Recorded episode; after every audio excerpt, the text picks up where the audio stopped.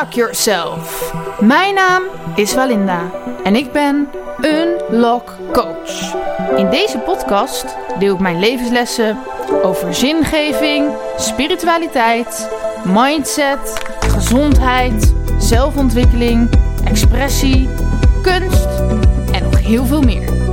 Ook interview ik inspirerende mensen over deze onderwerpen. Dus luister je mee?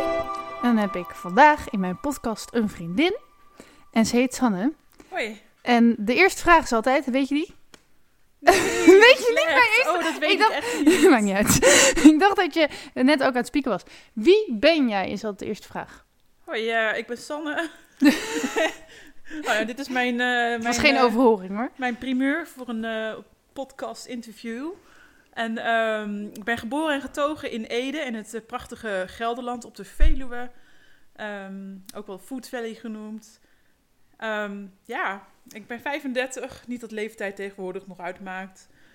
Ik ehm, ben eh, pedagogisch medewerkster in de kinderopvang. Natuurliefhebber.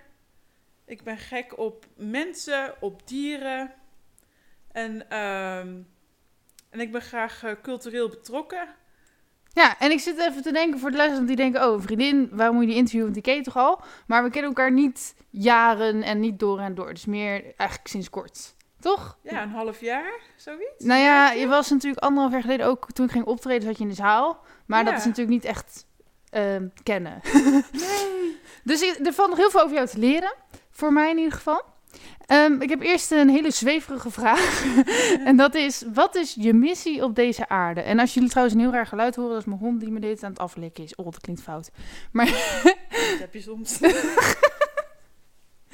en mijn missie op deze aarde is ehm, het eh, zo, zo fijn mogelijk maken voor, de, voor mezelf en de mensen om me heen. En ehm, een steentje bijdragen aan het milieu, want dat vind ik ook wel belangrijk door gewoon wel wat te recyclen. En ik krijg geen auto, ik heb geen rijbewijs. Niet dat ik dat bewust heb gedaan, maar het is, eh, ja, ik heb er wel vrede mee. Mhm. Maar dus het zo leuk mogelijk maken voor de mensen. Maar hoe maak je het zo leuk mogelijk? Want niet iedereen vindt leuk hetzelfde, zeg maar. Ehm, ik vind het gewoon echt heel fijn om, eh, om gewoon echt oprecht lief voor elkaar te zijn. Echt betrokken. Een stukje oprechtheid vind ik heel fijn in het leven. En ehm, dat je er echt voor de ander bent, voor je familie, voor je vrienden. En dat, kijk, je kunt niet eh, bij iedereen zijn, maar de mensen die ik wel heb om me heen, ben ik echt zo blij mee. En dan ben ik gewoon, eh, ja, dat, dat, dat, dat geeft me al heel veel voldoening. Ook jou ken ik nu sinds een tijdje en we zijn al dikke vriendinnen geworden. Dus dat is gewoon heel bijzonder dat het, hoe dat dan loopt. Ja, ik vond het vooral leuk dat je zeg maar net al binnenkwam en zei... Ah, ik heb je gemist. Ja, dat is ook echt zo. Ja. Oké. Ehm, ik zit even... Dus je werkt als pedagogisch medewerker. Wist je altijd al dat je dat wilde worden? Nou, ik was al heel jong. En toen dacht ik, ik wil met kinderen werken. En ik had geen idee wat en hoe. Maar eh, ik ben eigenlijk begonnen als, eh, als oppas. Ik was echt 13 of zo. Toen dacht ik, ik ga gewoon oppaswerk doen. En eh, dat vind ik leuk om te doen. Dus s s'avonds gewoon voor een eh, veel te lage uurloon eh, eh, kinderen op bed leggen en eh, lekker chips eten op de bank. Nou, dat vond ik leuk. Maar goed, eh, tegenwoordig komt er wel wat meer bij kijken. Dus ehm, toen had ik zoiets van, ik ga met kinderen werken. En ehm, ik wil me graag verdiepen ook in de psychologie, sociologie. ehm, eigenlijk in dat gedeelte van, van het jonge kind. En ja, ik vind het gewoon echt heel leuk om het brein van een jong kind te begrijpen. En de ontwikkeling en de opvoeding vind ik ook mega interessant. En ook om daar eh, invloed op eh, uit te oefenen. Ja. Want heb je daarna... Ja, sowieso om de kinderopvang in te gaan... eh, heb je een diploma nodig. Maar heb je daar dan ook nog een hbo? Want dat zo klinkt een beetje alsof je... Nee, maar om het even te generaliseren, noemde ik even wat van die woorden. Oké. Nee, nee, je- maar ja, er komt wel een stukje. Eh, eh, het, is, het is een sociaal beroep en eh, er komt veel bij kijken. Het is niet alleen maar de hele dag kindjes knuffelen of babytjes knuffelen. Je moet er ook voor zorgen en je moet zorgen dat de groep in balans is. Een stukje groepsdynamiek. Ehm, maar ook een stukje veiligheid en vertrouwen Ja. is heel belangrijk. Ja, ik wil niet eh, mijn vader nu zwart maken, maar die zei vroeger altijd tegen mij van... Ja, je gaat niet in de kinderopvang werken, want dat doen allemaal niet zulke slimme mensen, zei die altijd tegen mij. Terwijl eigenlijk is het natuurlijk heel gek, want zeg maar, de eerste jaren van je leven zijn super belangrijk en, en, Ja. en daar kan zoveel misgaan, zeg maar. Dus dat is eigenlijk een hele grote verantwoordelijkheid. Ja, vooral de eerste drie jaar. Ja, Vier jaar, drie, vier jaar. eh, Een stukje hechting is gewoon Mhm. heel belangrijk. Dat het kindje goed wordt gehecht. mhm. En eh, die veiligheid is dan zo belangrijk. En daar heb je gewoon... eh, ik heb echt kindjes die zijn dan vier dagen, vier, vijf dagen in de week op de opvang. Daar heb je zoveel invloed op. Ik zie sommige kinderen gewoon meer dan de ouders eh, actief zien in een week. Dus, ja. en ehm, daar ben ik me ook heel erg bewust van. Dat wij gewoon zo essentieel zijn in, in de samenleving. Ook, ik werk ook in... eh, ik werk dan in Utrecht-Oost. En daar, eh, nou, daar komen gewoon ouders met een heel belangrijk beroep. eh, essentiële beroepen eh, in de maatschappij. Dus ja, die opvang is gewoon zo belangrijk dat dat door blijft gaan. Mhm. Ja. Maar over hechting gesproken. mm, ja, het is natuurlijk sowieso onnatuurlijk. Maar in hoeverre is het goed dat we kinderen naar kinderopvang brengen? Want ja, misschien moeten we wel zeggen van die eerste drie jaar zijn zo belangrijk. Eh, zorg dat je thuis bent en eh, dat je niet gaat werken. Ja, dat, dat, dat nu gaan we de hele kinderopvang afzeiken. Dat is, ehm, nou, ik denk, ehm, ja, dat is, dat is een idee, maar Mhm. hoe, hoe, hoe reëel is dat idee? Want Ja. je hebt tegenwoordig, ben je afhankelijk van twee inkomens. Mhm. als je, als je nog eh, eh, ehm, royaal wilt leven.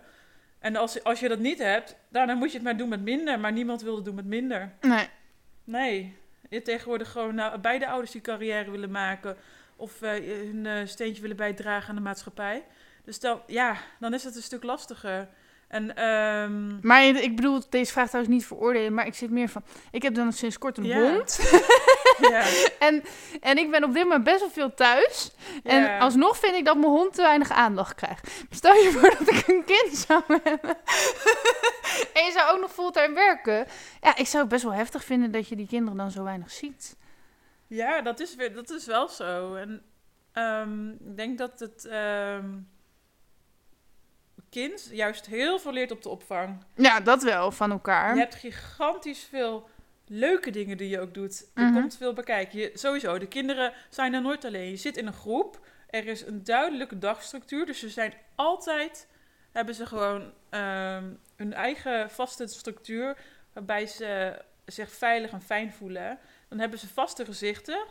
En eh, waardoor, ja, waardoor ze zich ook gewoon heel fijn voelen. Dat is gewoon heel belangrijk. In plaats van hun ouder heb je gewoon een vaste juf. Of, Mhm. of ja, soms meester, zijn het juffen. Ja. en eh, dat is gewoon heel fijn om te hebben. En ehm, ja, ze kunnen, je kijkt ook gewoon naar eh, de, verschillende, de verschillende ontwikkelingsgebieden. Daar ben je dan ook mee bezig als professional. En eh, dat, ja, zulke soort dingen pluis je misschien minder snel uit als, je, als ze in een thuissituatie zitten. Ja. Maar nu, nu heb je ook bijvoorbeeld observaties en andere soort manieren om echt te kijken naar de ontwikkeling van het kind. Dus dat Ja, is misschien... Want ouders weten natuurlijk ook echt... ja, Ja, hoe zeg je dat? Als je je eerste kind hebt, je weet helemaal niks eigenlijk. En als nee, je... weinig, denk ik. Ja, en als je dus in de kinderopvang werkt, dan kan je het ook nog met elkaar vergelijken. Dat betekent niet dat het een wedstrijdje is natuurlijk, maar dan weet je wel een beetje van, hé, hey, dit is normaal en hier moeten we een beetje op letten. Ehm, wat vind jij het leukste aan je werk? Het leukste aan mijn werk vind ik toch eh, de band die je opbouwt met het kindje. Ja, dat vind ik geweldig. Dat je, dat je zoveel liefde krijgt of zoveel enthousiasme. En dat is zo fijn. Dat Ik zie je echt helemaal stralen als je dat, dat je echt, ja, je krijgt er zoveel voor terug. En dan gewoon weer een knuffel van die en dan die. En je krijgt ook, ja, het is, het is gewoon zo fijn om, eh, ja, om, om dat fijne, veilige clubje bij je te hebben elke week weer. Ik heb ook een vaste groep, dus dat is Ja. gewoon heel, heel fijn om ja, te hebben. Maar fijn. ze gaan natuurlijk op een gegeven moment ook een keer weg. Kan je dat dan wel over je hart verkrijgen? Ja, zeker. Ja, want Oké. eh, dan zijn ze vier en dan gaan ze naar school. Zo gaat dat. Dan denk je, nou, ik heb mooi bijgedragen aan de ontwikkeling van het kind. En eh Maar ze komen bij jullie als, ja, dat is natuurlijk ook per ouder vanaf verschillend. twee, drie maar- maanden echt. Wow, dus dan zie je gewoon een kind van twee, drie maanden vier worden uiteindelijk. Dat is best wel lang. Ja, ja, ja. Oké. Nee, ik, ik heb zelf vroeger ook wel op een kinderopvang gezeten, maar dan had je echt verschillende groepen qua leeftijd ook en zo. Maar jij ziet het gewoon echt Ja, ik zit op een verticale groep. Dat is van 0 tot 4. Ja, zo cool. dat is wel heel bijzonder. Ja. Ja. Eh, maar dat lijkt me ook lastig. Hoe begeleid je een groep met zoveel verschillende leeftijden eigenlijk? Tenminste, het levensverschil is natuurlijk niet heel groot, maar wel de ontwikkelingsfase is best wel groot eh, als je een kind van bijna vier hebt en een kind van een paar maanden. Ja, een kindje van eh, een paar maanden heeft een heel ander ritme dan een kindje Ja. van drie. Ja, Nee, je bent met een kindje van, eh van nul jaar heel veel bezig met eh, voeding, met slaapritmes, alle heldjes. En hoe het babytje zich voelt ook, bij, krampjes en zulke soort dingen. Het is echt heel anders en, en een heel rustig ritme. Want ja, het babytje leeft natuurlijk heel anders dan een kindje van drie. Dat, het tempo gaat zo langzaam en, ja, en daar ga je ook echt op in. maar Op hoe het- kan je dat, Het ritme van het kindje, hè? als je en- van die verschillende groepen, ja, hoe zeg je dat, kinderen in de groep hebt, hoe doe je dat dan? Nou ja, dat is een kwestie van een taakverdeling. Je, ja, Mhm. je werkt eigenlijk altijd samen. En je zorgt eigenlijk dat die ritmes elkaar... Dat het in elkaar schuift, dat het past. Ja, net als Ja, dat, hoe moeders dat het ook doen eh, die plannen. meerdere kinderen Je moet gewoon eh, echt eh, gigantisch goed zijn in plannen. Nou, daar ben ik nu inmiddels wel. en eh, goed alles bijhouden, goed alles aanvoelen. Het is heel veel op je gevoel werken. Dus je intuïtie is echt zo belangrijk met het werk. Ja. Het, is, het is niet alleen maar uitgaan van de feiten. Maar ik herken nu inmiddels ieder babyheldje. En, of ook andere kindjes. Als ze wat ouder heb je dreumers. Dat is dan vanaf eh, één jaar, van één tot twee. Dan herken je gewoon hoe ze zich voelen. Je weet gewoon hoe een kindje in elkaar steekt. Dat weet je gewoon heel goed. Dat, is, ja, dat gevoel is zo belangrijk erbij. Mhm. Dus ja, het is niet alleen maar feiten op elkaar eh, opdreunen. Nee, dat... ehm, Ik moet er, mijn eh, oma, ja. die had elf kinderen. Ik vind het knap. Ja, ja, ja, maar die van mij dus ook. Echt? Ja, ja. Elf? Ja. Zo. Ehm, wat wil je de kinderen die, waarmee je werkt graag meegeven?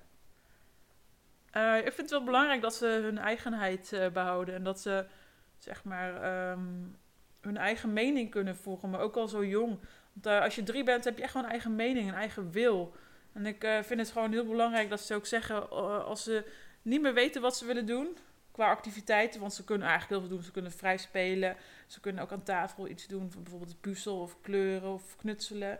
Dat ze gewoon zeggen van ik wil graag dat doen. Ik wil graag rusten. Ik wil graag spelen. Ik wil graag. Ik heb dorst. Dat ze dat echt zeggen en dat ze dat echt aangeven. Dat vind ik gewoon heel belangrijk. Dus gewoon goed je eigen mening houden en goed voor jezelf zorgen. Oké. Ja. Nou, dus, maar dat, zeg je dat ook tegen ze van hou je eigen mening? Nee. Want je hebt toch ook die peuterpuberteit dat ze alleen maar nee gaan zeggen? En jij zo, goed Ja, zo, ja, dat klopt. Zodra ze gaan praten, weten ze heel goed wat nee is. Dus, eh, maar het is ook heel goed om te vragen van wat wil je, wat voel je en wa- waar heb je zin in. En als ze het zelf niet weten, dan geef je ze een keuze. Wil je A of B doen? En dan, eh, dan komt het ook goed. Ja, ja. Ehm, ja, ben jij als pedagogisch medewerker de persoon die je zou willen zijn? Of zijn er nog dingen waarin je je verder zou willen ontwikkelen? Ja, ik ben, dat is wel mooi. Ik ben ehm, sinds kort begonnen met een cursus. Eh, als, eh, ik ga straks yogalessen geven aan kinderen van 0 tot 12 kan ik dat geven. Maar ja, echt. Ja, in dit geval dus van 0 tot 4. Dus eh, ik denk dat het wel bijgedragen aan, aan de rust op de groep en de ontspannendheid van de kindjes. Want yoga draagt echt bij aan meer ontspanning, ook voor mezelf. Mhm. Want het is best een stressvol beroep met een hoge werkdruk. En ehm daar praten we nu allemaal wel heel relaxed over, maar het is gewoon af en toe stressen. En ehm, ja, dit soort activiteiten gaan bijdragen aan, aan het welzijn van de kinderen en de groep. Ja, En, maar yoga, dat- hoe kom, heb je dat zelf bedacht of hadden Nou, ze dat voorgesteld? Nou, ik zag het voorbij komen op een soort van Facebook van mijn werk. Toen dacht ik, hé, hey, ik wil wel zo'n cursus doen, want yoga vind ik echt super. Mhm. En eh, ik heb wel een paar, wel af en toe losse yogalesjes gedaan. dacht ik, oh, dat is wel eh, iets wat ik, eh, wat ik in mijn mars heb. Ja, en, paar- en hoe reageren zulke jonge kinderen op yoga? Ja, Nou, het is heel gek, maar ze reageren eh, echt super positief. En ehm, ik had ook een kindje wat eigenlijk super rustig is en heel, heel erg eh, introvert. En hij, op een gegeven moment zegt hij uit het niets, ik wil yoga. Echt een week nadat ik een yogalesje had gedaan. Zei hij, oh, wat leuk. Ja, nou, dat, dat, dat, dat ga, ga ik dat vaker doen. Ik zou gewoon elke ochtend beginnen met yoga. Ja, dat, is, dat, zou, het, dat, zou, het mooiste zijn. Maar, Dat je gewoon al zeg maar in zo'n kle Ja. eh, kleermaak zit, zit Ja, voordat ja, de ouders binnenkomen. En dan gewoon iedereen moet de stilte naar binnen. En dan gaan ze allemaal zo zitten. Allemaal heel zen naar binnen. ja. ja, het zou mooi zijn als het als ritueel in de dagritme komt. Ja. Voor het slapen gaan even yoga. Zoiets, ja. Ja, dat kan heel goed eh, eigenlijk. In plaats van een boekje lezen, Ja. even wat eh, yoga oefeningen doen. En dat duurt maar heel kort, joh, 10 of 20 minuten. Maar doen ze dan, moeten ze dan ook heel lang stil zijn? Nee, hoeft niet per se. Kijk, kijk het gaat super speels. Eh, Je hebt natuurlijk eh, rustmomentjes, je hebt een opbouw. Je begint bijvoorbeeld met een, een rustmomentje, dat ze heel stil zijn. Een soort van meditatie voor, voor, voor kinderen. Maar dat is, dat is heel speels. Dan, dan heb je yoga onder eh, bijvoorbeeld een thema. Heb je dieren-yoga of eh, weet ik het, eh, straks ga ik wel Sinterklaas-yoga verzinnen of iets. Een thema. Dan heb je iets, iets om van vast te houden. Ja, dat kan allemaal. Dat is, echt, Mhm. dat is toch hilarisch. Maar en, ehm, en zo bouw je het eigenlijk uit. En dan, eindig je ook weer met een, ehm, ja, een soort van meditatie. Ja. Ja. Ik heb wel een keer zo'n zo'n cd, ja echt een cd, ouderwets, Ja. geluisterd met eh, liedjes, eh, die gingen ook over yoga, van ik ben een slang en zo, dat soort dingen. ja, precies. Oké. Ehm, ja, dit heb ik eigenlijk al gevraagd. Nou ja, en wat ik verder eigenlijk nog wel zou willen is Mhm. eh, qua zelfontwikkeling is. ehm, nou, ik zie mij zelf niet mijn leven lang op, eh, op de groep staan. Ik zou uiteindelijk wel coach willen worden voor de kinderen. En, ehm, of anders, eh, ja, locatiemanager. Maar goed, ik zou het dan 50-50 willen doen, maar dat kan dan weer niet in de praktijk. Ja, of je moet je eigen kinderopvang beginnen. Oh, Dan ja, weet je hoeveel wel. werk. Dit is al stressvol genoeg. Ja. Of gewoon zo, je kan toch ook in je eigen huis een paar kinderen opvangen? ja, dan heb je gastouderopvang, Ja. maar dat is niet hetzelfde. Nee. Dat niks wil je niet? Mij. Nee? Nee. ik wil mijn werk bij mijn werk en thuis bij thuis laten. Nee, Ja, dat... zo. Oh, nee. Oké. hey, ehm, we hebben het nu toch al tijd over kinderen. Oh ja. En jij had, eh, ik had van tevoren een beetje gevraagd van eh, waar eh, gaan we het wel en niet over hebben. En toen wilde je het graag hebben over... Nou, ik vraag me af of we het daar eigenlijk wel over hebben. je zei je wilt hebben over je kinderwens. Dus dan neem ik aan dat je bedoelt dat die er is. Ja, nou, ik heb al heel lang eh, eh, na moeten denken over wat wil ik nou met mijn, eh, met mijn leven als vrijgezel. Ik, ik heb natuurlijk wel een relatie gehad, lange relatie. Nou, dat is alweer vijf jaar uit. Een, een lange relatie van bijna zeven jaar. Nou, het was leuk geweest als ik met hem kinderen had gekregen, maar dat is er dan net niet van gekomen. Hoe lang is dat al uit? Ja, vijf jaar dus. Oké. Dat is echt vijf jaar geleden. Mhm. Dat bij mij trouwens ook. Dat is wel toevallig. Ook die, oh ja. Ja, ja. tenminste volgens mij vijf jaar. Wel Goed. ongeveer. Het is niet eh, erg om alleen te zijn. Maar ehm, nog ja, ik kan wel op mijn droomman gaan wachten. Ik ben 35 inmiddels. Mhm. Maar ja, waarom zou ik wachten terwijl je tegenwoordig ehm zo'n kind kunt krijgen? eh, het enige wat je nodig hebt is eh, één ding. En eh, dat kan ook zonder man. Ja. Maar dat ga je echt doen? Of is het een idee? Of... het, eh, zit wel, het zit al echt heel lang in mijn hoofd. Maar die stap is zo eng. Mhm. En, ehm, ja. Dus. maar eh, ik ga eerst even rustig naar eh, Ede verhuizen. Mhm. Wel leuk dat ik vlak bij jou kan wonen. Ja. Gezellig. Want je woont nu in Veenendaal. Ja. Daar heb ik eigenlijk ook nog wel een vraag over. Maar ik wil zo nog, natuurlijk wel nog verder inzoomen op die kinderwens. Maar oké, laten we het nog even luchtig houden. Je, je woont nu in Veenendaal. Waarom ga je terug naar Ede? Eh, ik ben eh, Edenaar, ik mis de Veluwe, ik mis het bos. dat, is al, dat is gewoon mijn omgeving, mijn habitat. en eh, ik mis mijn, mijn familie die hier woont. Ik woon niet ver van, van, van Ede vandaan, dat is maar 10 kilometer. Maar toch, ja, ik wil toch het liefst gewoon even snel op de koffie kunnen komen bij jou of bij, bij andere vrienden of bij mijn vrijwilligerswerk. Of, dat is gewoon fijn als je. Dat maakt de drempel veel lager als je, als je gewoon om de hoek woont. En waarom ging je dan ooit in Veenendaal wonen? Ja, omdat ik een grote woning kon krijgen en ik ging daar wonen met mijn ex. dus ja, dan zit ik daar in mijn uppie. Zonder vrienden, heel zielig alleen. Nee, Ah. het valt wel mee. Maar weet je, ik heb wel wat mensen leren kennen. Maar ja, Ik ben nu eigenlijk wel, maar ik weet niet of dat...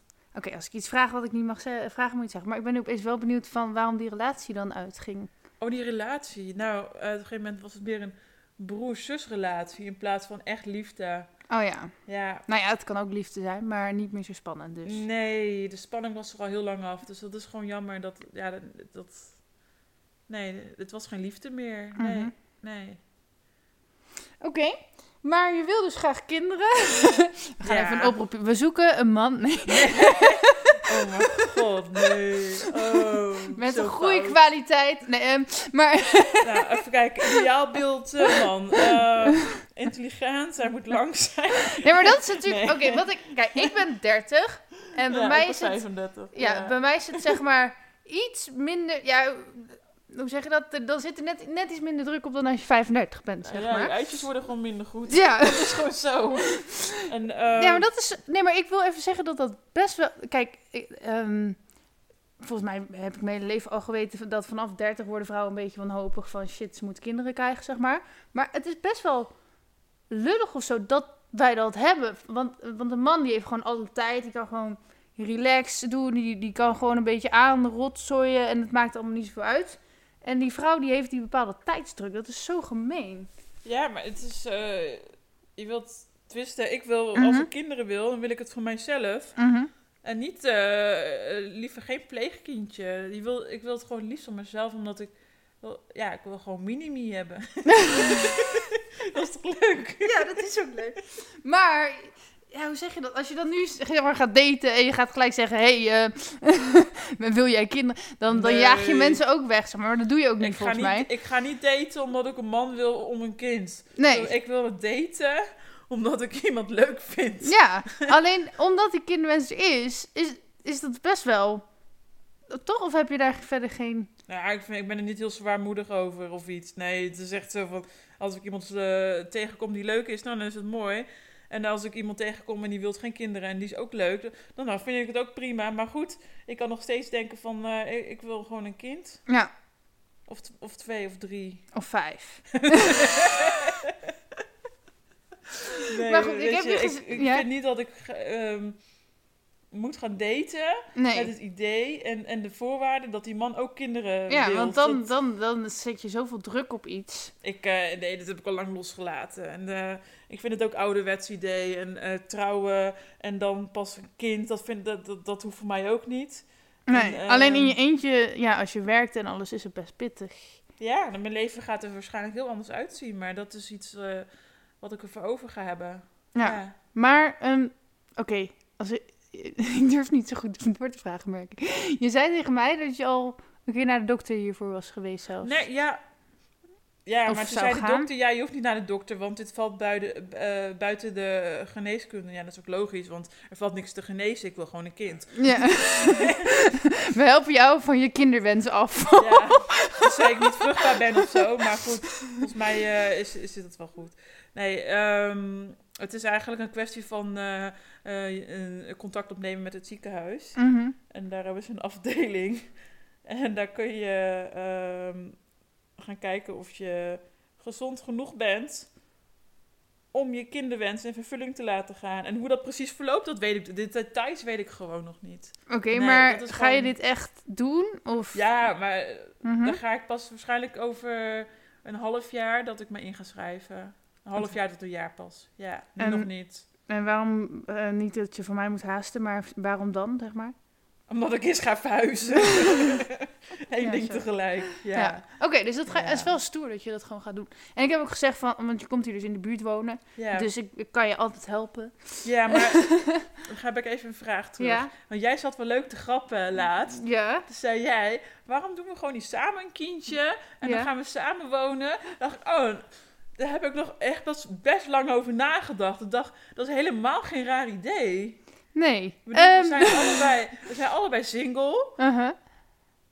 We hebben allebei een beetje dezelfde, dezelfde levensstijl, denk ik wel. Mhm. Deze- Dezelfde gedachtegang over liefde en leven en... ehm, ja, en mannen. Ja. Ja, misschien moeten we daar maar eens over praten. Oké, maar ja, nu kom je al heel dichtbij wonen, dus dan... Ja, wie weet Je wonen komt we, gewoon steeds dichterbij. wie weet wonen we straks al half bij elkaar als we, als we elkaar heel vaak gaan zien. Wij weten het niet. Misschien worden wij gewoon één grote romans. You never know. Het zou kunnen. ik heb nooit... Zullen zulke weet toch flirtende niet? podcast gehad. Maar, ehm, ja, nou, het, ehm, ja, ik wil ook wel uiteindelijk kinderen. Ja. Maar ehm, ik heb wel serieus, eh, er is wel eens aan mij voorgesteld van ehm, ja, iemand die gewoon zei van, hey, wil jij een kind met mij? Ik stuur je af en toe geld en ik kom wel in het weekend op bezoek, want ik ben heel veel aan het werk. Dat is me wel eens voorgesteld. En toen dacht ik, ja, als ik nou 39 ben, oké. Maar nu heb ik nog zoveel tijd. We krijgen wel echt gigantisch lange kinderen wij. Hoezo? Oh, um, als, ja, als ik ben lang, jij bent lang. Als we allebei Ja. een kind hebben, echt zo'n lang kind. Ik ben echt heel benieuwd wat voor podcast dit is om te luisteren. Uitgerekte baby. Ja, maar ik wil ook niet... Zeg maar, aan de ene kant is het heel grappig en leuk om over te praten, maar ik wil ook niet de lucht doen over kinderen krijgen, weet je. Dat is best wel een heftig onderwerp. Ja, je- ja, je gaat niet meer eh, ieder jaar eh, drie keer in de zomer naar een festival of zo. Dat, maar ook gewoon van... ehm, het is zo definitief, want je komt er niet meer vanaf eh, totdat ze 18 zijn. Nou, Ehm. ik, ik hoop dat ze daarna ook nog leven. maar- ja, Ehm, eh, ja, je hebt gewoon heel veel verantwoord- Je moet gewoon niet onderschatten. nee, het is, het is Ja, gewoon een deel van jou. ja, en dat vind ik wel... omdat ik mezelf ook niet altijd even psychisch stabiel vind, zeg maar. Nee, maar iedereen heeft nu tegenwoordig wel wat. Ik, Ja, bedoel, eh, ik heb ook een burn-out gehad. Nou, daarom, moet, daarom is het ook beter om met z'n twee te doen dan alleen, denk ik. Ja, weet je, het is... Nou ja, in ieder geval, Ja, het is zo gek dat, dat... Ik ben dan nu dus 30, maar zeg maar als je 20 bent, dan is het allemaal van... Oh, iemand krijgt een kind en nu krijgt iedereen kinderen. Heel logisch, maar ik vind het nog steeds best wel raar eigenlijk. Ja. je hebt natuurlijk ook een hap uit je leven eh, eh, van twee jaar door eh, corona. Dus dat is ook niet dat je dan serieus en actief gaat daten. Dus gewoon, gewoon bij iedereen een hap van twee jaar eruit. Ik Zo heb gewoon gedate tijdens corona. Ja, ik ook wel, maar niet, niet superveel of zo. Oh, ik wel. Oh, slecht, Rick. Jij bent zo slecht. Ja, maar... ja, nee, de corona was daar niet... Oh, is dat er... Zullen mensen nu boos mee worden? Nee, toch? Nee joh. Je hebt toch ook, eh, je hebt toch ook eh, primair- primaire levensbehoeftes en zo. Ehm, nee, voor mij was corona niet een eh, belemmering om te... Dat ging eigenlijk helemaal prima. Maar, ja. Oh, heerlijk. Maar goed, ehm, je kinderwens. Hoe lang, hoe lang heb je al een kinderwens? Wel tien jaar. Ja. Ik in principe ook al heel mijn leven. Maar, zeg maar, mijn verstand zegt nog wel eens van... Is dat nou wel handig? Is dat nou wel slim? Moet je dat nou willen? Bla, bla, bla. Ja, maar dat valt me op. Heel veel mensen die dat zeggen, Ja. dat zijn eigenlijk altijd heel vaak hele leuke mensen. Maar die hebben gewoon heel veel shit meegemaakt. Ik denk, ja, dat soort mensen moeten juist kinderen doen, want die zijn leuk. Ja. Die hebben gewoon pech in hun leven. En ik denk wel, als mijn kind op mij lijkt, dan krijgt het wel een heel zwaar leven. Nee, valt wel mee. Het komt wel goed. Kijk, het is natuurlijk 50-50, hè. Ja. Het is niet eh, dat het een kopie is van jou. Maar goed, ja, nou, nu we het toch zo over die dit. Ik vind het wel leuk. Dit is voor het eerst een podcast dat, dat het zeg maar zo open wordt voor mijn gevoel. Dat het zeg maar ook buiten mijn comfortzone wordt. Ehm, ehm, waarom ga je zeg maar naar het ziekenhuis? En ga je niet gewoon, eh, laat je niet gewoon bezwangeren door een of andere scharrel? Of, nou ja, Nee, scharrel is misschien ook niet handig, maar... Ik wil het op een mhm. Ethische manier doen. Dus wel verantwoord. Dat het eerlijk is voor mezelf. Ik wil gewoon weten of ik gezond genoeg ben. Ik wil weten of de ander gezond genoeg is. En de donor is tegenwoordig niet meer anoniem. Dus, eh, dus je weet wie de vader is. En er kan ook nog een soort van co-ouderschap. Dat bestaat tegenwoordig ook. Dat kun je ook doen. Maar dan wel dat ik totaal de opvoeding doe. Eh, maar wel dat je weet wie de vader is. Maar een eh, 50-50 co- co-ouderschap zou ik dan absoluut niet willen. Want dat- ik wil gewoon mijn eigen kind voor mezelf. En niet omdat de andere man heeft geholpen ehm, om mij zwanger te krijgen. En ook niet van een homostel of zo, ik roep maar iets. Nee, nee, absoluut niet. Ik zou het niet voor een ander doen. Jij wil gewoon niet delen.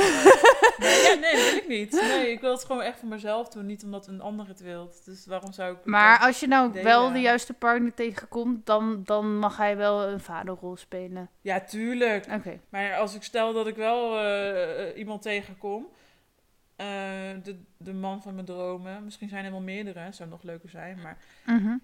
dan, dan zal ik zeker, eh, wil ik gewoon samenwonen. Misschien wel trou- ja, trouwen, weet ik niet. Hecht ik niet heel veel waarde aan. Maar eh, sowieso samenwonen en, eh, en dan een kindje. Nou, waarom niet? Tuurlijk. Maar goed, stel je komt nu ehm, een man tegen waar je misschien niet verliefd op bent, wat misschien geen relatie wordt, maar in principe ehm, zegt hij van, nou, ik kan toch de donor worden. En hij voldoet wel gewoon aan leuke eisen om een goede vader te zijn. Ja, dan zou ik hem toch even door de medische molen halen om te kijken of hij genetisch wel goed is. Serieus? Dat zou voor mij wel belangrijk zijn. Maar ga je dat ook doen met een liefdespartner? Nee, dat niet. Ik weet niet, maar hey, wil je even voor de genetische molen voordat wij... eh, ja, weet je, weet je, je hebt het ziekenhuis niet voor niks. Dus dan is het wel fijn als je zeker weet dat alles gewoon goed is. Ja. Ja, als het kan, waarom niet? Het eh, gaat wel geld kosten, maar dat heb ik er wel voor over. Oké. Ja. Ja. ik denk als ik dus zeg maar 38 ben of zo en ik heb nog steeds die kinderwens, ik denk dat ik dan gewoon iemand zoek om me te bezwangen dat ik niet helemaal Ja, dat kan ook. Ja, dat is leuk. Straks Nee. krijg ik allemaal mailtjes, hé, ik wil... Ja. Oh, wat een onderwerp. Oké, ehm, even kijken hoor. Hoe, wat voor soort moeder denk jij te zijn? Sorry, je kijkt ook heel grappig momenteel. Zit de tong Nou, ik denk dat ik wel een moeder ben die het kind overal mee naartoe sleept. eh, lekker op vakantie, eh, wandelingen maakt, lekker veel de natuur in, veel fietsen. Als ik een beetje kijk naar mijn eigen opvoeding. ehm, ik ging heel veel fietsen met mijn ouders, lekker door de bossen heen. Veel, we hadden veel katten om ons heen. Veel buiten, veel in de tuin, veel buiten spelen. Ik denk dat ik echt zo'n eh, natuurkindje ga maken. Maar niet op een natuurlijke manier. Nee, maar wel een kindje wat veel, ook veel liefde krijgt voor de natuur. Dat vind ik heel belangrijk. En muziek natuurlijk. Ja, maar Ja. goed, het kan natuurlijk ook dat je kind hele andere interesse krijgt dan jij. Dat het eh Ja, postzegels verzamelt. Ik weet niet of jij dat doet, maar... ja misschien eh, krijg ik wel een kind wat het liefst de hele dag achter de computer wilt. Want Ja. dat is wel een ding van tegenwoordig. Maar ja, moet je gewoon eh, goed over nadenken. Mhm. Maar ga je zeg maar jouw interesses een beetje opdringen? Of laat je het kind vrij in zijn interesses? Ik denk eh, dat er bij alles een grens is. Mhm. Ja. Eh, het is niet opdringen, maar het is wel bepaalde normen en waarden breng je altijd over. En ik denk dat het heel goed is om respect te hebben voor de natuur en voor dieren. En eh, dat je daardoor ook gewoon een heel fijn persoon wordt. Mhm. Ja. Ja, ik denk ook van dat het gewoon allebei is. Van, je laat iemand zijn wie die is, maar je, laat, je doet ook suggesties van... Kijk, probeer dit eens. Laat, eh, dit is, eh, Ja, dat, moet, dat, Ja. dat verloopt een beetje natuurlijk. Mhm. En eh, ik denk dat ik wel, wel streng kan zijn, maar ehm, en ook wel duidelijk. En ik ben ook echt iemand die wel goed grenzen kan aangeven. Dus, mhm. dus ik denk dat dat heel belangrijk is. En heb je dan ook nog een bepaalde filosofie van waaruit jij opvoedt? Ehm poeh, je wat een vraag. Ja, ik heb me voorbereid. Bepaalde filosofie. Het hoeft niet, hè? Het mag. Nou, ik ben wel echt van de vrijheid en creativiteit. Ehm, ik denk dat ik wel de creativiteit ga stimuleren van een kind. Veel ga knutselen, veel dingen maken, veel dingen zelf uitvinden, veel ontdekken. Ik denk dat ik daar veel mee bezig ga zijn, want ik vind het zelf heel leuk om te doen. Ik deed het als kind ook heel veel. En eh, ik wil het ook graag overdragen aan mijn, aan mijn kind, kinderen. Ja. Ik denk Ja. echt, als je eenmaal... Weet ik niet zeker, hè? Maar dat is wat ik om me heen zie bij mensen die kinderen hebben. Ja. Dat ze van alles van plan zijn. Ja. Maar dan is het tien jaar later en denkt ze... Shit, hij kan nog steeds geen piano spelen, weet je wel? Oh. van dat, dat je zeg maar van alles wil met je kind. Maar in de praktijk heb je zo weinig tijd dat het gewoon zo voorbij ja, is. maar het hoeft geen talent te worden of zo, maar het is meer eh, ja, dat ze ja, gewoon ontdekken wie ze zijn. Dat vind ik gewoon heel belangrijk. En dat kan je gewoon goed doen door, eh, door veel eh, creatieve activiteiten te ondernemen. En veel buiten te zijn. Mhm. Niet alleen maar binnen zitten en niks doen. Gewoon door actief te zijn, de wereld te ontdekken. Dan, dan leer je veel. Mhm. Ja. Maar ga je dan ook, ehm, Sowieso is het ook wel interessant of je dat nu al in je leven hebt. Maar een soort vaste dagstructuur maken van... eh, eerst gaan we tekenen en nu gaan we buiten wandelen. Oh ja, tuurlijk, tuurlijk wel. Je, je maakt sowieso, is, is het gewoon, gewoon heel goed om, om eh, vaste activiteiten te doen in een weekend. Of ehm, om dat goed eh, te plannen. En, maar ook de ruimte te geven voor, eh, wat ik zei, die eigen mening, eigen inbreng. Dat Maar vind hoe ik gewoon echt Mhm. heel leuk om te... Hoe plan jij nu eigenlijk je leven? Nou ja, je bent sowieso veel aan het werk. Je doet altijd hele leuke dingen. Maar, ehm, nou ja, zeg maar, ik, heb, ik ben altijd geïnteresseerd van hoe zorgen mensen dat ze op tijd hun boodschappen hebben, op tijd hun administratie doen. zeg maar, dat. Gewoon alles. Hoe plan je je leven in? ja, ik heb daar altijd, altijd al gevecht mee gehad, zeg maar. Ja, bij mij is het ook een chronisch gevecht. Ja. Kijk, ik kan best wel zeggen in deze podcast eh, dat ze bij mij, eh, wat is het, twee jaar geleden of zo, Mhm. eh, ADHD hebben vastgesteld. Mhm. Dus nu snap ik ook een beetje waar die strukkels vandaan komen. Maar ja, dat, dat is gewoon een eindeloos gevecht. Nou ja, ik werk 36 uur in de week, dat is vier dagen. En dan blijven er drie dagen over eh, in feite om eh, alles te doen wat ik moet doen. Dus dat is en de administratie elke week checken. En het huishouden. Eh, ja, je doet gewoon de vaste dingen. En dan moet je iedere week doen. Nou, soms lukt het niet in een week. Nou, dan niet. Ja. Dan is de vloer maar een keertje niet schoon Ja. als ik te moe ben. Nou, ik, Ja. ik heb dus gewoon ontdekt hoeveel tijd je ook hebt. Het is nooit genoeg in mijn leven in ieder geval. Ik wil Nee, altijd meer. Het is, dat- is ook een probleem. Maar Ja. tijd is gewoon te kort. de tijd is te weinig. Maar ik, er zijn echt mensen die en fulltime werken, en kinderen hebben, en hobby's, en vrienden, en die dat allemaal. Nee, maar dat is... En op vakantie, en geld. Het, en, het, zou, het, zou, het zou ook niet vanzelfsprekend moeten zijn om al die dingen te moeten kunnen. Nee. Eh, wie zegt dat een, eh, werkweek van eh 40 uur normaal is? Dat, dat, dat hoort, zou niet normaal moeten zijn. Dat, dat is ook niet normaal. ehm, dat het van je verwacht wordt van de maatschappij. Mhm. Of eh, van wie moet dat? Van niemand. Maar ja, het is wel zo. Als je niet werkt, heb je geen geld. Ja. Dus ik heb er alles aan gedaan dat ik nu 36 uur in de week aan kan. Ja. Ja. En dat, eh, dat, dat was een lange weg, maar het lukt. Wat, eh, Ja. Maar je zegt, het was een lange weg. Wat heb je daarvoor moeten doen dan? Ja, er is rustig eh, beginnen met weinig werken. En dan steeds meer verantwoordelijkheden, meer steeds eh, mijn zelfvertrouwen vergroten. steeds meer in mezelf gaan geloven. En ehm, ja, gewoon steeds meer onafhankelijk geworden door dingen zelf te doen. Want je moet het ook zelf doen. Ook als je relatie uit is, daarna moet je gewoon zo hard knokken om alles voor elkaar te krijgen. En dat is gewoon veel en hard. Mhm. Maar dat, ja, je moet het uiteindelijk echt zelf doen. Mhm. En eh, dus niemand zegt van hoe je het moet doen. Nee. En dat, dat bouw je ook op, ook door hulp te vragen aan anderen. Je vraagt hulp als je ergens tegenaan loopt. Nou, dan doe ik weer een training, eh, een ADHD-training. Dan eh, vraag ik hulp eh, van iemand die bij mij thuis komt om mijn dag te structureren. Ik, ik schaam me er ook niet voor. Het is gewoon goed ook om hulp te krijgen. Ja, want daar dingen. word je alleen maar beter van. Ja, ja. Het, het is niet zo dat ik, dat ik constant mezelf slecht voel. Maar ik denk dat het ook gewoon normaal zou moeten zijn om hulp te kunnen vragen als je ergens tegenaan loopt. Alleen het is alleen maar goed. Mhm. Anders kom je er soms gewoon niet meer uit. Nee, ja, Nee. ik heb ook eh, heel veel mensen die ik hulp vraag. Ja, ja. Eh, ik had net nog een vraag hoofd, maar nu weet ik hem niet meer. Dan zal het wel niet belangrijk zijn. Ehm, ja, dat is nog wel over je kinderwens dan ook. Heb je wel genoeg mensen om je heen, behalve ik, die je kunnen helpen als je eenmaal een kind hebt? Ja, sowieso gaat mijn kind dan naar de kinderopvang. dat is één. Naar je eigen kinderopvang. Nee, ja, nee, dat, eh, dat zou dan ergens in Ede moeten zijn eh, over een tijd. Maar goed, dat komt wel goed. En, ehm, Maar weet je moeder dit mijn- bijvoorbeeld ook? Nee, je- kijk, mijn ouders die, eh, die zijn gek op kinderen. Dat, ja, dat maar weten ze dat, dat jij dit gaat doen? Of Ze ze... weten dat ik dit wil en dat ik, dat ik dit ga doen. Oké, dat is en best ehm, ik denk dat het wel goed komt. Mhm. Ja, en, en dat vonden ze ook een goed idee toen je dat zei? ja hoor. Oké. Hebben mijn- alleen zoiets van, ja, rustig gaan, je moet eerst verhuizen. En, eh, en jij hebt nog, eh, je moet maar eerst je verhuizing op orde. Ik zei, ja, kom wel goed. Ik ga toch niet meteen eh, een kind nemen, zo werkt het niet.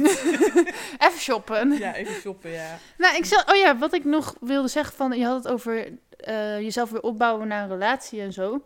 En toen had ik de opmerking in mijn hoofd van, van rond mijn 18 of zo had ik ook al een relatie. En daar wilde ik heel graag mee samenwonen en alles. Oh. Maar achteraf was ik echt zo afhankelijk van hem, zeg maar. Ik kon nog helemaal niks. Ik wist nog Oh, niks van het leven. En, en, het, en uiteindelijk had hij het ook uitgemaakt omdat ik meer op zijn jongere zusje, als zijn jongere zusje voelde, zeg maar. Oh. Ehm, maar ik denk, ik denk dan ook van, stel je voor dat dat wel wat was geworden en dat we waren gaan samenwonen en dat je daar dan je hele leven bij. Dan was ik echt zo eh, minder zelfstandig geworden, zeg maar. Dat weet je niet. Nee, oké, dat weet je niet. Maar ik heb wel veel geleerd van alleen zijn en dingen alleen moeten Maar doen. ik weet wel het gev- gevoel wat je nu zegt, Mhm. herken ik wel. Je bent een stuk minder eh, onafhankelijk. Je voelt je eh, minder zeker. Ehm, je blijft een beetje in je schulp, lijkt wel. In een relatie bedoel je? Ja, als je dan samen bent zo jong. Mhm. Nou ja, ik was 24, toen begon ik aan die lange relatie. 23 trouwens. Maar goed, toen stu- studeerde ik, dus toen moest ik sowieso eh, heel zelfstandig zijn. Ik op een gegeven moment ging ik op kamers, zoals toen ik 23 was. Dus, ehm, Ja, maar had jij, ik, ja, ik weet niet, jij bent wel heel... blijft Mhm. een beetje hangen, ja, als je... Nou, ik had dus bijvoorbeeld een vriend die dan, als de computer kapot was, kon hij hem maken. Of tenminste, ik Ja. weet niet of de hele computer kon maken. Maar gewoon al die technische dingetjes waar je dan in mijn ogen altijd een man voor nodig hebt. ja. Die deed hij.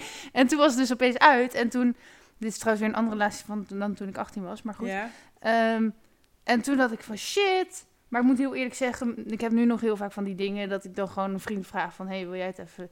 Dus hoe, hoe onafhankelijk ben ik? ja, weet je... eh, En mijn eh, ouders vraag ik ook nog regelmatig, mochten ze meeluisteren.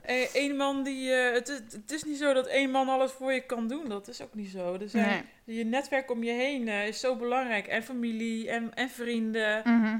Ehm, en kennissen natuurlijk. Je hebt ook nog kennissen. En je hebt familie die je vaak ziet. Familie die je minder ziet. Dat is ook met vrienden zo. Mhm. Dus ja, da- da- daar moet je ook gewoon aan denken. Ja, En, ehm, maar zijn er dingen die je sneller hebt geleerd doordat je alleen bent, zeg maar? En welke dingen zijn dat? eh, ja, hulp zoeken. ja. Uiteindelijk, je bent wel, eh, je wordt afhankelijker, dat is zo. Dat heeft twee kanten. Je wordt afhankelijker, maar aan de andere kant is het ook weer goed om te leren om ook hulp te vragen, hulp te zoeken, Ja. ook met kleine dingetjes. En we zijn gewoon afhankelijk in het leven, want Ja, eh, dat is gewoon zeg zo. maar, de wereld die, die werkt gewoon met elkaar samen. Ja. Dus waarom zou je daar geen gebruik van maken? Ik heb ook niet dat ik eh, altijd alles maar kan en weet. Ja, het was maar zo. Ik maar ik vind jou wel zelfstandig. Zeg maar, ook met die verhuizing ehm, kom je gewoon heel zelfstandig over of zo. Jij vindt zelf dat je, je maakt je heel erg druk op, maar, Ik vind het verschrikkelijk, zo'n verhuizing. Hele maar ja, volgens mij vindt niemand dat leuk. hoofd staat op zijn kop. Oh, toen ik hierheen verhuisde, toen was ik echt zo slecht voorbereid. Toen belde, twee weken ervoor belde mijn nicht op. Ja. En, ben je er klaar voor? Ik zo, waarvoor? Ja, je verhuizing natuurlijk. Ja, maar ik weet niet wat ik moet doen. En toen moest ik heel hard huilen. Verschrikkelijk. Dat is een aantal jaar geleden hoor. En toen ehm, eh, had zij zeg maar alles genoemd wat ik moest doen. Want ik kon, ik, had dat, ik kon dat niet overzien. Ik had nog nooit verhuisd. En toen had ik dat zo allemaal op een rijtje neergezet.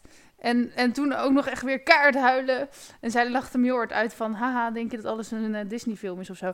En, maar toen, daarna, alles stapje voor stapje gedaan volgens, volgens wat zij had gezegd. Ja, En toen uiteindelijk had ik als eerste mijn vuilnisbakken en als eerste de dokter adreswijzigingen. En, dus toen ging het eigenlijk toch wel heel goed. Ja. Maar zo gauw van hoe groot je iets kan maken in je hoofd. ja, maar het is ook wel gewoon... Het is gewoon veel. Ja. Dus het is niet zo gek als je in paniek raakt. nee, nee. Waar komt je liefde voor de natuur vandaan? Eh, even kijken. Ja, ik ben ermee opgegroeid, zei ik net eigenlijk al. Eh, veel, eh, ik ben veel in de bossen geweest. Ik weet ook heel goed de weg hier in Ede. Ehm, ik kan zo vanaf hier naar Arnhem wandelen. Dat is ook niet heel moeilijk. Het is maar één weg, maar goed. Oké. maar ik weet me goed te oriënteren. Ik hou gewoon van, van de rust, van de, van de frisse lucht. Het ziet er mooi uit. Dus de esthetiek, ja, het is... Ik, ik, ik word er gewoon heel zen van. Ehm, het is een gevoel. Ehm, ik hou van vogels. Ik word altijd heel enthousiast als ik een eh, buizerd hoor in de lucht. Ik herken het dan. Ik, eh, sinds kort weet ik ook hoe een, eh, hoe een specht klinkt. Dus nou, hoe, hoe geweldig is dat? ja, ik weet de Maar verschillen daarom ben ik ook vrijwilliger geworden. Ja. bij de Blauwe Kamer. Dat is een heel mooi natuurgebied. ja, daar ben ik laatst geweest. Ja, onderaan de Grebbeberg. Mhm. Het ligt officieel in Wageningen. Dat is nog Wageningen. Mhm. En eh, daarom eh, ben ik daar vrijwilliger geworden. Daar sta ik dan in het informatiecentrum eh één keer in de maand. Cool. En, Want je was nog niet druk genoeg. Nee, ik dacht, dat kan er wel bij. Maar ik kom daar altijd tot rust. Ik vind het heerlijk. Kan ik mijn enthousiasme overdragen. Ja. Cool. Dus, dus als je daar komt en je wil wat meer weten over het natuurgebied, dan ga jij voorlichten, zeg maar. Ja, plus minus wat ik dan weet. Maar het is niet dat ik alles weet. Maar Mhm. Ik vind het dan leuk om te vertellen dat daar lepelaars leven in, een in een, eh, zo'n kolonie. En, maar die zijn nu dus natuurlijk weg, want het is weer eh, herfst. Die vliegen weer terug naar het zuiden. Maar eh, ja, ik eh, vind het leuk om mijn enthousiasme dan eh, over te brengen. En eh, over de paarden die, die lopen en de runderen. Ja, geweldig. Ja, ik was-. Ik was bij de- het strand en toen waren daar eh, paarden en koeien en zo. Ja, en ja. Het is echt mooi. Ehm, hoe vaak ben je in de natuur en wat doe je dan? Nou, vogels Nou, spotten het is dus. eigenlijk heel erg. Ik Nooit ben nu meer. eh, eh, verschrikkelijk eh, veel aan het werk, al heel veel te lang. En ik kom nu veel te weinig in het bos. En misschien komt het ook omdat ik in Veenendaal woon. Dan vind ik het een stuk minder leuk. de Utrecht. Ede is gewoon veel Ik beter. vind Ede veel leuker. Ik moet denk deze podcast laten sponsoren door de gemeente Ede. Mochten jullie luisteren, gemeente. Ehm, Ede is prachtig. Bedoel, maar dat betekent dus ook dat het gemeente is, want nu heb ik nog niet Ede, de gemeente Ede als sponsor. Even kijken hoor. Maar je hebt dus veel kennis ook over de natuur. poen en wat is kennis? Nou ja, je Eh, weet in ieder geval hoe elk vogeltje heet. Ik doe mijn best. ik, eh, ik vind het zo heel fijn als ik straks eh, naast het bos kom te wonen. Er zit alleen nog maar eh, het spoor tussen. Eh, een paar minuten lopen en dan eh, zit ik in een eh, gebied waar gewoon regelmatig wilde zwijnen zijn te spotten. S'avonds tijdens zonsondergang. Mhm. Dus dat is geweldig. En de Mhm. mountainbike route die loopt er. Haha. Welke, ik zit even, want jij komt hier in de buurt te wonen. Ja, dat kunnen mensen toch niet zien. Ik wil weten waar, welk gebied jij nu bedoelt. De, de Zieselt. Oh, zo, maar ze hebben nu bij het spoor hebben ze het bos dichtgemaakt, hè? Ja, daar komt een tunnel. Wel. Ja. Oh, gelukkig. maar Ik dacht, dus, lang. ik dacht dus dat we nooit meer vanuit daar naar het bos konden. Ja, jawel, maar dat wordt alleen voor fietsers en wandelaars. Oh, Dus dan is het te beter. Ik dacht dat het echt helemaal dicht ging. Nee, maar daar komt dus een tunnel onderdoor. En dan lopen we zo het bos in met het hondje. Super Oké. gezellig, Belinda. ja. Maar ik loop nu altijd bij eh kasteel Hoekelen. En bij Hoekelem, Want daar, ja, daar is echt super mooi. En ehm, daar lopen alle honden los. En alle mensen zijn gewoon vrolijk. Ja. En ik heb zelf eh, dat ik 's ochtends nog wel eens een beetje chagrijnig ben. Of een beetje, soms word ik ook een beetje angstig of zo. En dan loop ik daar en iedereen is gewoon vrolijk. Dus Ja, ja, tuurlijk. dan merk je gewoon van het is helemaal niet nodig om angstig te Ja, zijn. ik, ik ging daar vroeger wel eens hardlopen toen ik nog in Ede woonde. Toen, eh, ja, kwam ik daar heel graag hoor. Ging ik op de fiets naar het bos Mhm. en dan ging ik een stukje hardlopen. Nou, heerlijk. ja. Ja. Even kijken. Wat vanuit de natuur zouden we meer mogen doen in het echte leven? Eh, ik denk het eh, tempo. De natuur eh, heeft vier seizoenen. Als we nou eens rustig met... nee, klinkt heel zweverig. Ja, zeg maar. Als we rustig met het- ritme van de natuur meegaan en niet van het moet, moet, moet. En ehm, eh, je moet gewoon zoveel tegenwoordig. Ik hou er niet van. Maar wat moeten we nou eigenlijk? Ja, wat moeten we nou eigenlijk? Je moet geld verdienen. Dat is wel handig. Mhm. Je moet Ja. dingen snel doen. Nou, de natuur gaat zijn eigen gang. Ehm, we moeten, we moeten ehm, bij elkaar zijn als het nodig is. Er voor elkaar zijn, dat is wel heel fijn. Ja, de natuur houdt elkaar ook in balans. Maar goed, de, ja, de, men, de men- mensen kunnen zich ja, anders voordoen dan, dan het is. De natuur is gewoon heel puur, denk Mhm. ik. En mensen die zijn, ja, heel verschillend en, en uit, heel uiteenlopend. En ik denk dat de natuur gewoon meer in harmonie is, meer samenwerkt, meer balans is. En dat, dat voel ik niet altijd bij, bij de maatschappij, omdat, Mhm. omdat het zo gehaast is en zo snel. Ja, Ja. maar ik heb dus ook telkens van... ehm, nou ja, dus ik maak nu best wel veel planningen. Ja. En, en daar hou ik me ook aan. Maar ik heb zo vaak gehad dat ik de hele tijd het gevoel van... Oh, ik moet dit en ik moet dat. En, eh, terwijl in principe Ja. kan ik soms met dezelfde planning... misschien wel sneller gaan als ik het gewoon doe van... Nu even dit doen en nu even dat. Maar op een of andere manier zit er zo in dat systeem... dat het als moeten voelt en dat het snel moet. Maar En... dan is het niet meer leuk. Nee. Nee. Je kunt ook gewoon niks doen, heb ik ontdekt. Ja, hoe doe je dat?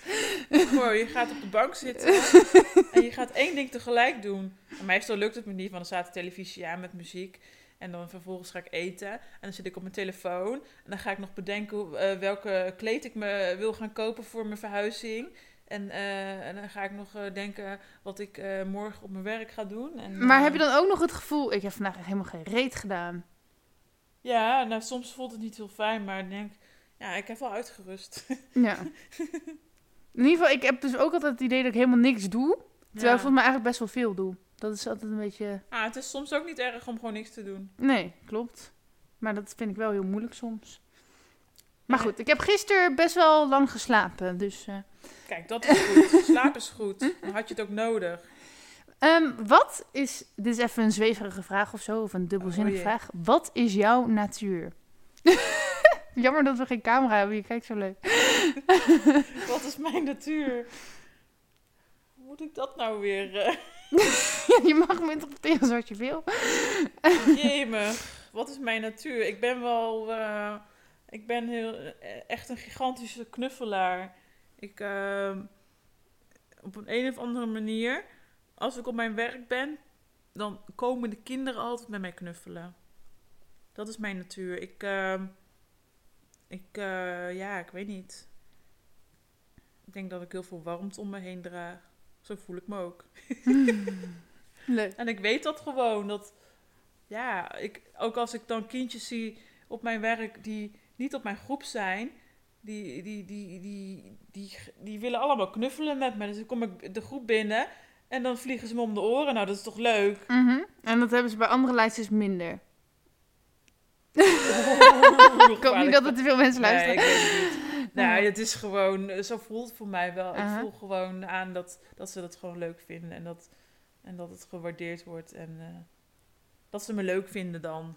En ik eh, ben ook gewoon heel open. Misschien komt het wel door mijn open houding. Ik ben gewoon heel open. Dus dan komen ze gewoon altijd knuffel halen. Dus ja, Ja. dat helpt wel. Dat Ik wel herken dat wel met, zeg maar, ik liep vandaag Ja. ook weer met de hond in het bos. En natuurlijk is het ook een heel schattig hondje. Maar Ja. er waren ook gelijk kinderen die zeiden van, kijk, daar is een oogbal. En die gingen hele verhalen tegen me vertellen. En denk van, Ja, jij hebt het ook, ja. Ja. er zullen vast wel meer mensen dat hebben. Maar eh, je hebt wel dat kinderen bepaalde mensen sneller een verhaal gaan vertellen dan anderen. Ja, dat, klo- dat klopt. Ja. Dat- gewoon die warmte en die openheid. Mhm. Ja.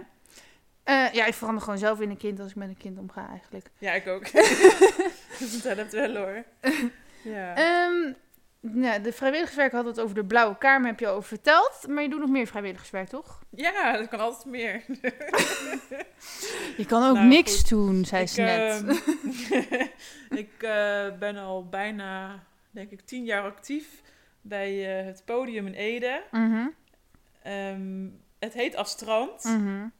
En daar ben ik begonnen en toen was er eigenlijk nog geen podium. Er was geen plek, geen locatie, niks. Mhm. Toen eh, was degene die eh, iets wilde oprichten, die had een heel mooi stuk geschreven over een podium en eh, wat, wat we allemaal kunnen. En ehm, toen hebben we als statement, dat was mijn eerste vrijwilligersdag, dat weet ik nog, als statement een podium naast de kerk op zaterdag gebouwd. En die dag stonden er zes metalbands gepland. zes bands. Naast de grote kerk van Ede. Kan je Mhm. je voorstellen? Er kwam toch een herrie uit. nou, eh, het eerste wat er gebeurde was... eh, na, na 2,5 band begon eh, één, één winkelier begon te klagen. Volgens mij heeft er uiteindelijk e- echt 3,5 band gespeeld. Van de zes of zo. Ik weet niet meer. Het was ongeveer... Ja, het, was, wat was, het waren best wel wat bandjes. Dus, nou, het was echt... Het ging echt snoeihard. Eh, het was ook nog een regenachtige dag. dat weet ik ook nog. Ehm, er waren niet heel veel mensen die bleven plakken. Maar ja, het was een, een prima statement gemaakt. Mhm. Want het statement was eigenlijk dat er te weinig te doen was in Ede dan. Of... Ja, nou, hier, wij willen een podium, maar we krijgen een podium niet. Dus we, we vragen bij de gemeente aan of er een podium mag staan naast de kerk op een zaterdag. We programmeren de muziek en, eh, en kijken hoe, hoe, hoe- wat dat uitlokt. Mhm. Zoiets was het volgens mij. Maar ehm, wat het uitlokte was dus eh, nou, dat we er waren. En eh, nou, dat was al goed genoeg. En vervolgens is er toch een plek gekomen. Er is een heel eh, mooi plan, een ondernemingsplan gemaakt door een paar jongens uit Ede, drie vrienden, en die hebben dat voorgesteld in de gemeente. Die zeiden van, hé, hey, er is een jongerencentrum, maar wat zij doen, dat kunnen wij beter, maar dan in de vorm van een popcentrum, popcultuurcentrum. En dat is, eh, dat is gebeurd. En eh, nou, nu is er een eh, heel mooi podium neergezet. Met twee zalen, een grote en een kleine zaal. Waar wekelijks verschillende optredens zijn met, uiteenlopende, met een uiteenlopende programmering eigenlijk. En dat is gewoon te gek. En dat Ja. heb jij onder andere voor elkaar gekregen. Nou ja, ik, ik, heb, ik heb mijn vrijwilligerswerk gedaan. En dat, eh, of dat doe ik nu nog steeds ongeveer één keer in de maand. En ehm, ik ben daar dan beheerder. Dus dan zorg ik dat een hele avond eh, goed loopt. Vaak van die bandavondjes eh, met metal. Ik vind metal vind ik altijd live wel vet. Mhm. Of anders een rockbandje of zo. Maar je hebt ook feestavonden voor jongeren van eh 13 tot 16. Dat is, nou, dat is hartstikke leuk dat het er is. Er is gewoon voor iedereen wat. Of een danswedstrijd. Of eh, er wordt veel gedaan met eh, graffiti door heel Ede heen. Met allemaal murals. En eh, ja, dat is gewoon, gewoon, super dat het, dat het er is. Mhm. en een eetcafé, dat vind ik heel leuk. Een veganistisch eetcafé. En hopelijk komt er in de toekomst dan ook een stukje horeca in. Dat zou te gek zijn. Ja. En je helpt daar omdat, gewoon omdat je van muziek houdt. Ik hou van muziek. Ja, Ja. ik luister iedere dag muziek. Vooral rockmuziek, indie, een beetje eh, de rustige muziek. En ehm, nou, ik, weet, ik weet wel wat van muziek. En ehm, ik vind het gewoon super dat er een plek is in Ede... waar gewoon zoveel te doen is op het gebied van ku- kunst en cultuur. Mhm. En eh, ja, ik zou ook gewoon echt niet zonder kunnen. Ja, als ik in een grote stad had gewoond... was ik waarschijnlijk vrijwilliger geweest bij een groot podium. Maar Ik zit nu trouwens wel te eh, bedenken of ik niet iets verkeerds heb gezegd. Want Fenty die eh, is soms ook met bij Astrand bezig en Dennis Ja. ook. Maar ze hadden toch een boek gemaakt van waarom is er niks te doen in Ede? En daar bedoelde ze... gebeurt er niks? Ja, terwijl er juist eigenlijk heel veel te doen was. Ja, Alleen op een of andere manier denken we telkens dat er niks te doen is of zo. Nee, dat klopt. Eh, wa- wat het mooie is, in de jaren 70 gebeurde er superveel in Ede. Dat is wel mooi om te weten. Toen had je, je hebt natuurlijk nu nog steeds de Heideweek. Je had eh, op de Parkweg eh, Heidepop. Mhm. En er waren dan vers- verschillende bandjes. En er stond op een gegeven moment wel, wel 10.000 man op de Parkweg naar, naar bandjes te kijken. Het was gigantisch groot. En ehm, dat, dat gaat nu eigenlijk nog steeds door, maar dan in een andere vorm. Ja. Maar op een of andere manier denken mensen bij Ede altijd dat we een heel saai christelijk dorp zijn of zo. Ja, maar eh Ede is gelukkig goed op de kaart gezet, ook landelijk. Dit is gewoon echt super bekend. Ja, en nu Ehm. deze wijk Enka is gewoon cool. Toch? Ja, en het is, en het is Lekker centraal. De, de- hoezo de wijk? Wat bedoel je? Nou, gewoon dat het zeg maar eh, vlakbij het station is en heel centraal. Oh, ja, en alle Amsterdammers en Rotterdammers komen nu hier wonen. Ja, nee, dat klopt. Maar Ja, wat wilde jij ook. zeggen? Want ik zit helemaal in te vullen. Nou, je hebt ook de, de LGBT community is daar ook eh, tot leven gebracht eigenlijk. Ja, dat was eh, vorige week of zo. Twee weken terug was... Is dat alweer twee weken terug? Ja. Toen ben ik daar ook, eh, heb ik daar ook geholpen. Toen was ik gastvrouw tijdens het, eh, tijdens het restaurant. Dat ik, ja, een restaurant. Maar ja, dat stond in het teken van de Pride. Want die dag was er eigenlijk de Pride in Ede Centrum. Dat is ook een stukje eh, bewustwording, een monoloog over, over de community, de queer community, om, om het nog makkelijker te zeggen. En, en dat vind ik heel mooi, want eh, dat geeft gewoon veel meer inclusiviteit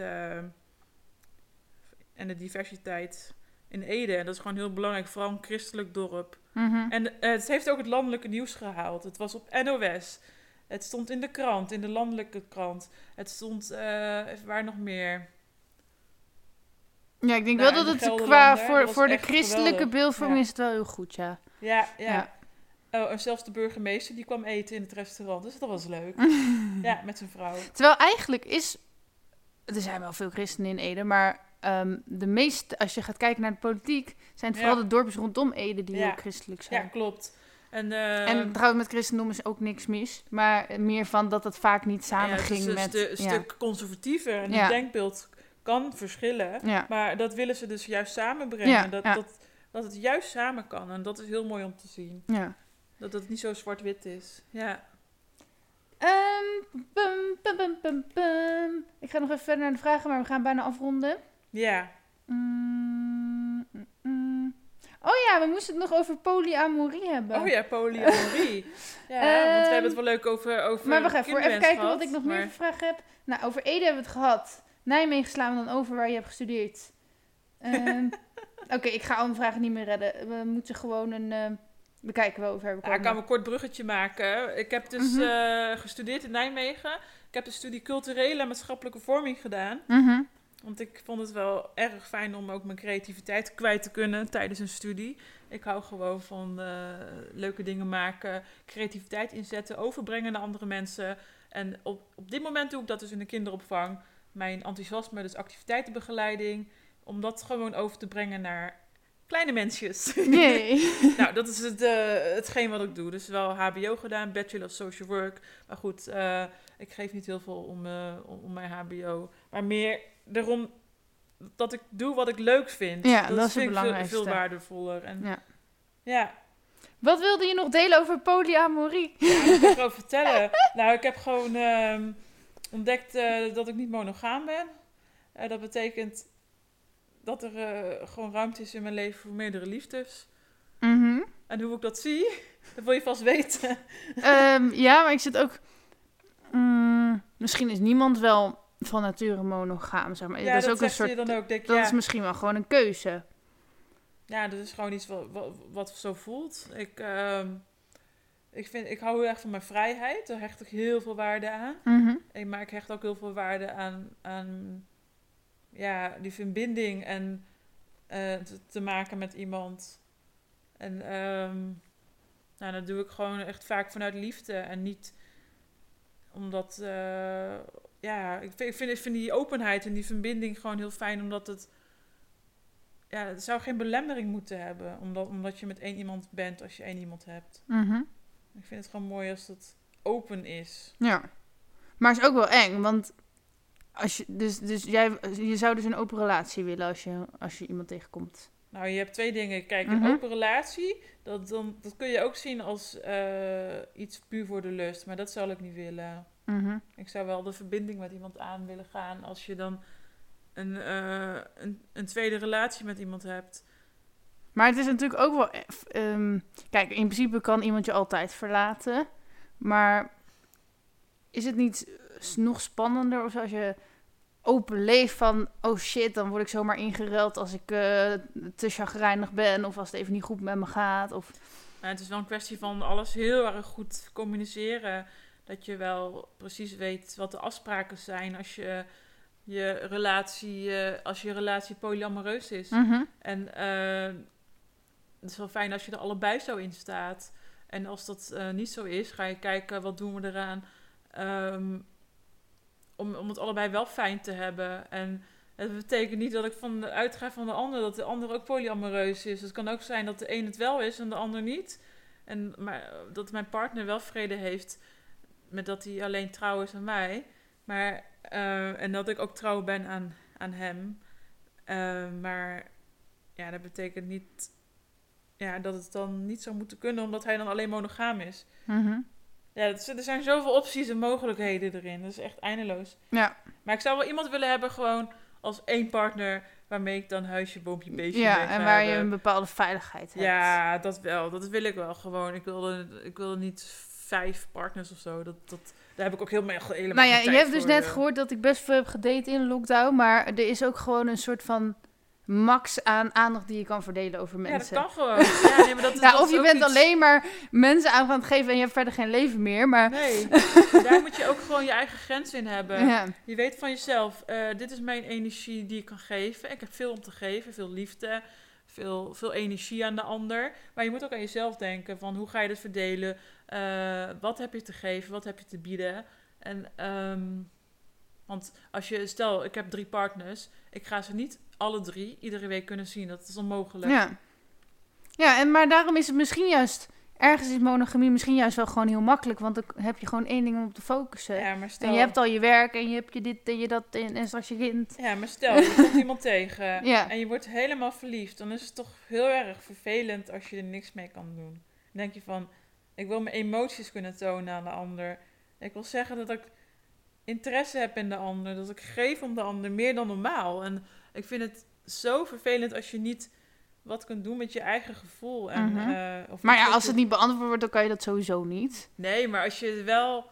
Als je weet dat het, die mogelijkheid er is, dan is Ja. het gewoon heel fijn. Ja, eens. Ja, en dan heb je elkaar zoveel meer te bieden. Ja. Ja, ik zit nog even te denken. Ja, ik las laatst iemand die juist weer heel erg voor de monogamie was. Eh, want die vond dat je eigenlijk niet kon kiezen als je, als je besloot polygaam te leven, zeg maar. Polyamoreus. Ja, sorry. Polygaam is weer... eh, nee, is weer wat anders. Echt? Wat is Ja. het verschil? Polygaam, dan heb je bijvoorbeeld één man en die heeft dan meerdere vrouwen. Oh, oh dus dan is het voor één... eh, Oké. Nee, dat is, dat is toch niet. Ehm, even kijken hoor. Eh, Nog zo'n harem. nee, dat is een heel andere... ja, nee, oké, maar mijn enige ding met polyamorie. Eh, mm, nou, oké, ik heb een, een bevriend stel die, die dan een soort open relatie hebben. Ehm, nee, dat moet ik misschien niet zeggen. Want Als je maar Ik ben bang- noemt, ik ben, ja, maar ik ben bang dat ik misschien iets verkeerd. Oké, ik denk wel eens, maar ik hoop niet dat ze dit luisteren. Van eh, ja, als jullie ruzie hebben, dan zoek je gewoon heel snel een ander, zeg maar. Snap je wat ik bedoel? Ehm, maar ze praten ook genoeg, dus ik weet niet of hun. Maar daar zou ik dus bang voor zijn. Dat, dat je dan, eh, als je relatie even niet goed gaat, heel snel gaat vluchten in, in een ander. En dat je dus niet aankijkt, snap je? En als je dus gewoon één persoon hebt, dan kan het dus best een maand helemaal stom en saai zijn, of allemaal ruzie. Maar als je daar dan weer door bent, dan is je relatie daarna sterker, zeg maar. Hm. Maar je kan toch gewoon die ruzie doorstaan en verder gaan. En als je dan tijdelijk naar iemand anders gaat, dan... Ja, je kan gaan vluchten, maar dat is ook niet gezond. Maar dan moet je, dan, daar praat je dan over. Ja, ja. niet iedereen heeft vluchtgedrag, dat is niet standaard. Nee. Nee. Ja, en, eh, en op zich met vriendschappen eh, is natuurlijk ook gewoon een soort van polyamorie. En, en daar zijn we niet jaloers van, oh, je hebt nog een vriendin. Weet je? Dat, Jij bent toch ook polyamoreus? ja, dat weet ik, maar ik probeer, dat hoeft te Ik probeer als eh, objectieve journalist dit gesprek te voeren. Volgens mij kan je het al lang horen aan de dingen die ik zeg. Maar goed. Ja. Ehm, ja, oké. Eh, we gaan nu afronden, geloof ik. Ja, je wilt nog heel veel over vakanties delen. Oké, één zin over vakanties. Ik ga gewoon nog een keer de West Highland Way lopen in Schotland. Gewoon omdat het kan, voor de derde keer. Cool. Ehm, hoe wil jij herinnerd worden als je bent overleden? Oh, zet mij maar onder een boom of zo. Wat? Onder de kerstboom. Nee, gewoon een mooie, een mooie Amerikaanse eik. En dan zo'n kruisje erbij. Dan hier ligt Sanne en die wordt nu opgegeten door de boom. Helemaal goed. Nou, dat is wel cool. Ja, opgegeten door de boom. Ja, maar dan ben je ook een beetje boom. Ik word gewoon een boom straks. Wat is het laatste wat je de luisteraars nog mee wilt geven? Ja, blijf vooral jezelf. Trek je niet veel aan eh, van de maatschappij. En ehm, volg je eigen, je, je eigen weg. Vind ik gewoon heel belangrijk, je eigenheid. En Kan je ook, je niet, je- kan je ook niet jezelf zijn? Dat is ook nog een goede vraag. Maar je kan ook niet jezelf zijn. hoe dan? Nou, door, eh, door eh, maar klakkeloos alles van iedereen aan te nemen. Dan ben je vooral niet jezelf. Oh zo, oké. Ja. Ehm, bedankt voor het gesprek. Eh, ik ga zo naar de uitknop lopen. Ja. En dan mag jij nog even gedaan. zeggen als mensen ehm, nog zeg maar contact met jou willen of iets van jou willen, zeg maar. ja. Ze willen je een baby geven. Nee. je mag ook mailen als je er geen baby wil Misschien geven. luistert mijn droomman wel, joh. Droomvrouw, je weet het niet. Ja. Ehm, in ieder geval. Als je contact met Sanne wil, je hebt er ergens voor nodig of je wilt nog ergens over spreken, dan kun je. Wat moet je doen? Nou, dan ga je naar eh, Instagram. Daar heet ik Jente87 met een Griekse ei. Daar kun je mij eh, zeker eh, opzoeken. Je kunt mij altijd een berichtje sturen.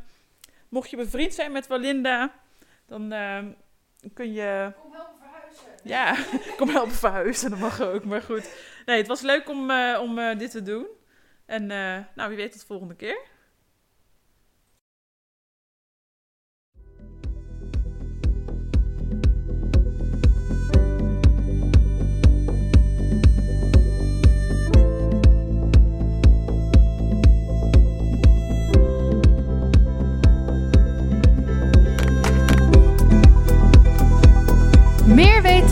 Ga naar belinda.nl of volg mij op Facebook en Instagram. Doei!